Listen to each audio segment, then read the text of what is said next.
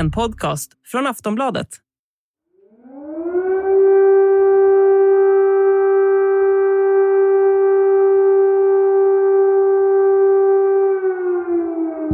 Ja, minns du?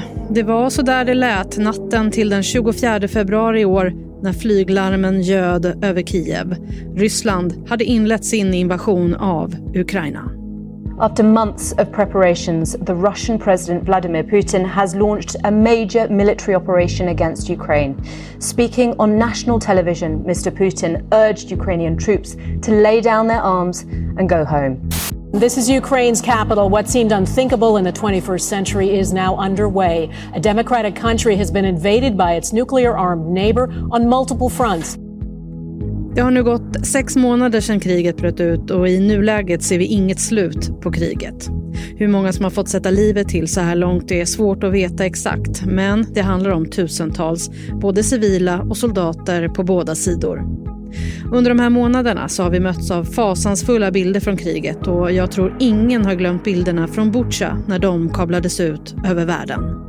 Ukrainian President Volodymyr Zelensky has accused Russia of genocide after hundreds of bodies were discovered in the town of Bucha near the capital Kiev. Images of mass graves and bodies showing signs of torture have sparked widespread international condemnation. Vi har hört experter tala om att Ryssland och Vladimir Putin hoppats på ett snabbare övertag av Ukraina, att landet skulle ge upp direkt. Men nu vet vi att så inte blev fallet. Volodymyr Zelensky och hans armé har bjudit på tufft motstånd och det har också pratats om att Ukraina till och med kan vinna kriget. Den 24 augusti är det alltså sex månader sedan kriget bröt ut. Det är också Ukrainas självständighetsdag och det finns en oro för att Ryssland ska trappa upp kriget. Så vad har hänt sedan kriget bröt ut i februari? Finns det någon sida som vinner? Och hur länge kan kriget fortsätta? I dagens avsnitt reder vi ut hur kriget har utvecklat sig och vad som kan hända den närmaste tiden. Du lyssnar på Aftonbladet Daily med mig, Jenny Ågren. Dagens gäst känner ni väl igen vid det här laget. Joakim Paasikivi, överstelöjtnant och strategilärare vid Försvarshögskolan. Joakim, sex månader av krig i Ukraina nu. Eh, trodde du att det skulle pågå så här länge? Jag befarade att det kunde göra det. Alltså inledningsvis så trodde jag inte det. Jag trodde i likhet med väldigt många andra eh, att det här kunde gå ganska snabbt. Att den ryska övermakten eh, i stridsvagnar, artilleri och flyg och allting skulle vara så att det bästa ukrainarna kunde hoppas på var att förlora så långsamt att man kunde få en rimlig förhandlings, eh, ett rimligt förhandlingsresultat. Eh, men det var väl bara de själv som visste hur duktiga de var och vilken stridsvilja och försvarsvilja de hade. Mm, vilken var din reaktion när du hörde om invasionen? Att de gjorde det.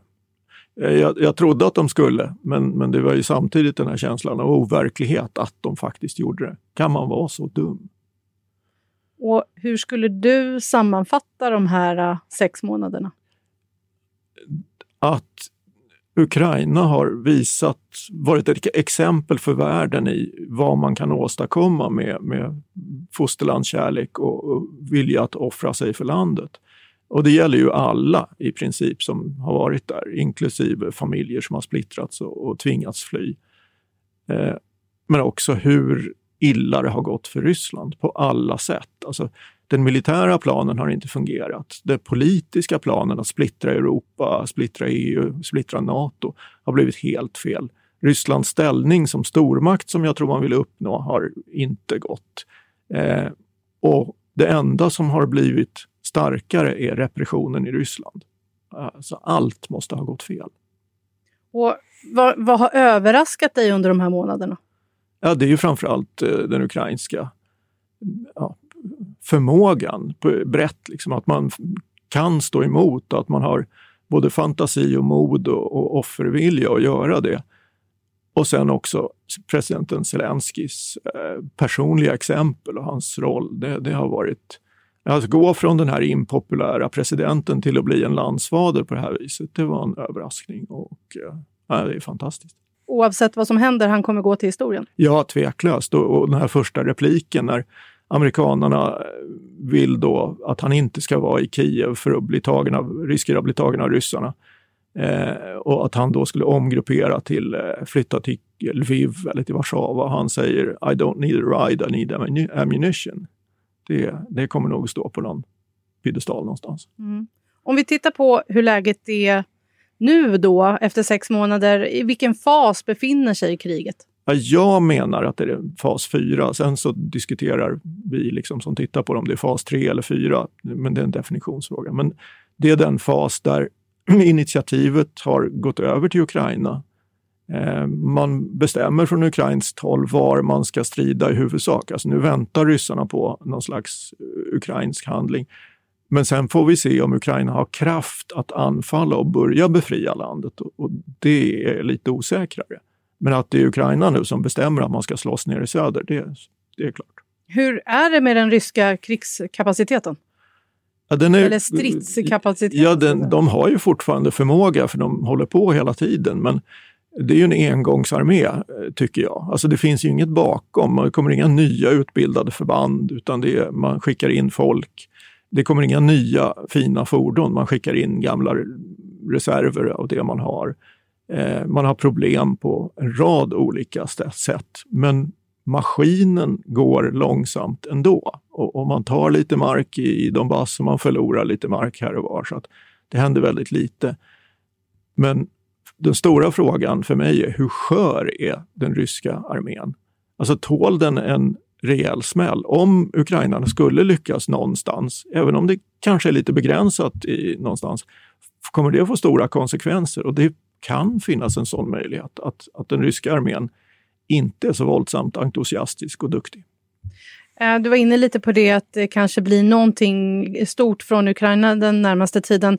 Eh, den 24 augusti så är det ju Ukrainas självständighetsdag. Det, det verkar finnas ändå en viss oro för att Ryssland kommer göra något lite extra stort den dagen. Ja, och här har ju man i Ukraina också infört utegångsförbud och sagt att, att det här är farligt och eh, vad som helst kan hända i princip ja, det som inte kan hända är någon stor markoffensiv. Det har inte ryssarna kraft till. Och då återstår ju robotanfall. Och då skulle regeringsbyggnader och annat i Kiev kunna vara ett mål som man inte har skjutit på tidigare. Men det är också en möjlighet som jag tycker är lika sannolik att det faktiskt inte händer någonting särskilt. Alltså från rysk sida så menar man ju att Ukraina inte har någon, ja det finns ju inte egentligen, eh, som ryssarna säger, så varför skulle man då lyfta fram självständighetsdagen? Så det, det, man kan nog förbigå den i tysthet också. Aftonbladet Daily är snart tillbaka. Want flexibility? Take yoga. Want flexibility with your health insurance? Check out United Healthcare Insurance Plans. Underwritten by Golden Rule Insurance Company, they offer flexible, budget friendly medical, dental, and vision coverage that may be right for you. More at uh1.com. Joakim, du har varit eh, gäst i Daily flera gånger tidigare och vi har bland annat pratat om att Ukraina hade möjligheter att vinna kriget. Finns det en möjlighet för det? Ja, det tror jag fortfarande. Och eh, den ryska, ja, det ryska försvaret har ju visat ungefär vad de kan. Alltså de senaste två månaderna, eh, ja, vi, ryssarna har tagit ungefär 20 procent av landet. Man behärskade ungefär 25 procent när man hade som mest, men blev utslängd från Kiev. Och de senaste månaderna har ryssarna lyckats ta en halv procent till med oerhört stora förluster. Alltså det är inte frågan om att man har haft en jättestor framgång. Eh, och Ukraina har fått alltså, hundratals stridsvagnar från sina grannländer som inte jag har sett insatta någonstans. Och nu håller man från Ukrainas sida på och skjuter med sina HIMARS, MLRS och, och andra eh, artillerisystem eh, framgångsrikt i södra Ukraina och, och, på Krim då också förstås. Eh, och gör att det blir väldigt svårt för den här ryska armén att röra sig och utveckla kraft. Alltså man skjuter bort ammunitionsdepåer, staber, luftvärn och infrastruktur så att eh, ja, ukrainarna håller på att formar stridsfältet skulle man kunna säga då för att vara lite nördig. Eh, men det betyder också att ukrainarna för att vinna någonstans måste kunna satsa. Och här har man liksom det, det, är ett dilemma därför att det finns ett politiskt imperativ. Att det politiskt är jätteviktigt att man vinner någonting nu. För att visa sin egen befolkning, för att visa Europas befolkning och för att visa utländska statschefer att det lönar sig. Stöd oss. Eh, men militärt så kan det vara väldigt farligt och det Ukraina inte har råd med är något större nederlag.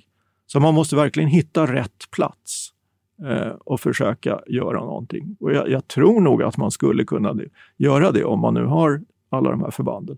Men det vi inte kommer att se, vi kommer inte att se några jättestora pansarslag ute på slätten, utan det här blir någon, någon smart insats någonstans där man försöker skära av och ringa in något ryskt förband, tror jag. Och vad säger du om det stödet från väst? Det har ju varit massivt under, ja. under hela tiden. Kommer det fortsätta vara det? Ja, där tror jag då att den här eh, framgången som vi väntar på skulle vara väldigt viktig. Och uteblir den, det vill säga att man bara fortsätter som vi håller på nu, ja, men då kommer nog det var en risk att, att europeiska plånboksfrågor blir viktigare för befolkningen. Det är, liksom, det, ja, men det är kallt, kallt hemma, det, industrierna får inte el, eh, mat och bränsle blir dyrare. Eh, är det verkligen värt att hålla på och skicka pengar för att stödja Ukraina? Det händer ju ändå ingenting. Och, och lite skakiga regeringar i Frankrike, Tyskland, Italien, de stora. Eh, USA och Storbritannien kommer att fortsätta stödja. Polen kommer att fortsätta stödja. Men frågan är då liksom, hur blir det folkliga stödet och hur kommer EU ställa sig? Alltså, det blir problematiskt och det är där jag tror ryssarna också kommer att satsa på att, att eh, liksom, med sin informationskampanj och hoppas att eh, visa att nej, men det är ingen idé. Ukraina är förlorat. Och då blir det besvärligt. Och Vladimir Putin då? Hur ställer han sig till kriget just nu? Ja, allt går enligt plan. Det är det ständiga budskapet. Och här finns det ju också, som vi inte talar så ofta om, eh, alltså vi kan ju spekulera om vad som sker i Kreml, vi vet väldigt lite. Men det som det verkar vara att det finns ett par olika falanger i Kreml också. Och då kanske Putin är bland liberalerna. Alltså att det finns en, en falang och det, det finns säga, utanför den innersta kretsen också, till exempel ja, Dugin vars, vars dotter nu blev mördad i Moskva. Ja, de har ju förespråkat storkrig och utrotning. Eh, så att ja, det finns folk som är värre än Putin också. Så att, eh, det, det, är en väldigt obehaglig situation. Kommer den, den närmaste tiden nu, liksom, vad handlar den närmaste tiden i kriget om just nu? Ja, det är om det blir eh, den här ukrainska offensiven och sen blir det också situationen kring kärnkraftverket i Zaporizjzja. Det, det, är jätteviktigt. Och här försöker ryssarna nu flytta skulden, ja, kallar till möte i FN i, om situationen i kärnkraftverket eller kring kärnkraftverket. Ja, den situationen hade ju varit ganska enkel för ryssarna att lösa. Det är bara att åka därifrån. Det är ju de som är ockupanterna. Eh, och, och, eh, I övrigt så, så är det liksom situationen i södra eh, Ukraina. Ja. Kommer Ukraina att gå framåt eller kommer, de, kommer det att bli en, en, någon slags eh, frusen konflikt på sikt där vi har samma typ av konflikt som vi har haft de senaste åtta åren? Ja. För det är ju också viktigt att komma ihåg att, att kriget började ju inte nu i 24 februari i år utan det var ju faktiskt 20 februari 2014 på Krim. Precis. Och då har ju också Ryssland visat att man är uthålliga och det var det jag ville fråga nu. Kommer det handla om att man försöker nöta ut varandra? Trötta ut den andra parten? Ja, och det är det som håller på nu egentligen. Alltså nu är det ju ett utnötningskrig. Eh, och, och, i södra Ukraina så lyckas ukrainarna bättre och uppe i Donbass så lyckas ryssarna bättre. Men det är ju till högt pris och eh, det, det, är till rätt små förändringar. Och är det ett utnötningskrig, ja då blir det ju Eh, ja, ryssarna har ju ingen ny armé så de kommer inte kunna göra någonting. Och om inte ukrainarna får ja, någon ny styrka så händer inget där. Och då är det ju fråga om uthållighet. Men å andra sidan, alltså, ukrainarna får ju nu värnpliktiga utbildade i Storbritannien. Det är stora diskussioner om tillverkning av försvarsmateriel till dem och så vidare. Men då är det europeisk uthållighet som egentligen är grejen.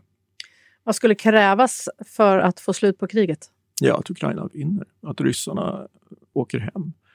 Eh, alla förhandlingslösningar, tycker jag, och, det tycker, eh, skulle vara dåliga.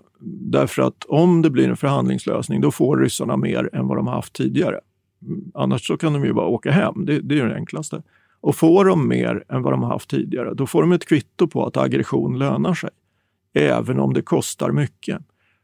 Och det kvittot gör att de kommer att bli farligare för oss på sikt om de börjar bygga upp landet igen. För då kommer inte Blir det en förhandlingslösning då kommer sanktionerna efter ett tag att släppas efter och så vidare och Ryssland byggas upp igen. Kanske med en ny ledare när de här 70-åringarna i Kreml byts ut och då är det, ja, det skulle ju kunna bli någon som Medvedev som, som hotar mest med kärnvapen. Det vill säga mer av samma sak, nytt namn. Tror att vi är här om ett halvår igen och pratar om ett år med krig i Ukraina? Ja, det är inte omöjligt eh, på något sätt. Jag vill inte säga någonting om sannolikheten, men, men det, ja, jag, eh, jag beställer inte taxi nu, men, men jag kommer ihåg numret till taxi. Det säger Joakim Paasikivi, överstelöjtnant och strategilärare vid Försvarshögskolan. Jag heter Jenny Ågren och du har lyssnat på Aftonbladet Daily. Vi hörs snart igen. Hej då! Du har lyssnat på en podcast från Aftonbladet. Ansvarig utgivare är Lena K Samuelsson.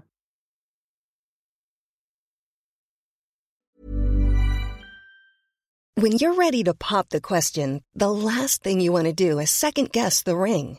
At Bluenile.com you can design a one-of-a-kind ring with the ease and convenience of shopping online. Choose your diamond and setting. When you find the one, you'll get it delivered right to your door. Go to Bluenile.com and use promo code LISTEN to get $50 off your purchase of $500 or more. That's code LISTEN at Bluenile.com for $50 off your purchase.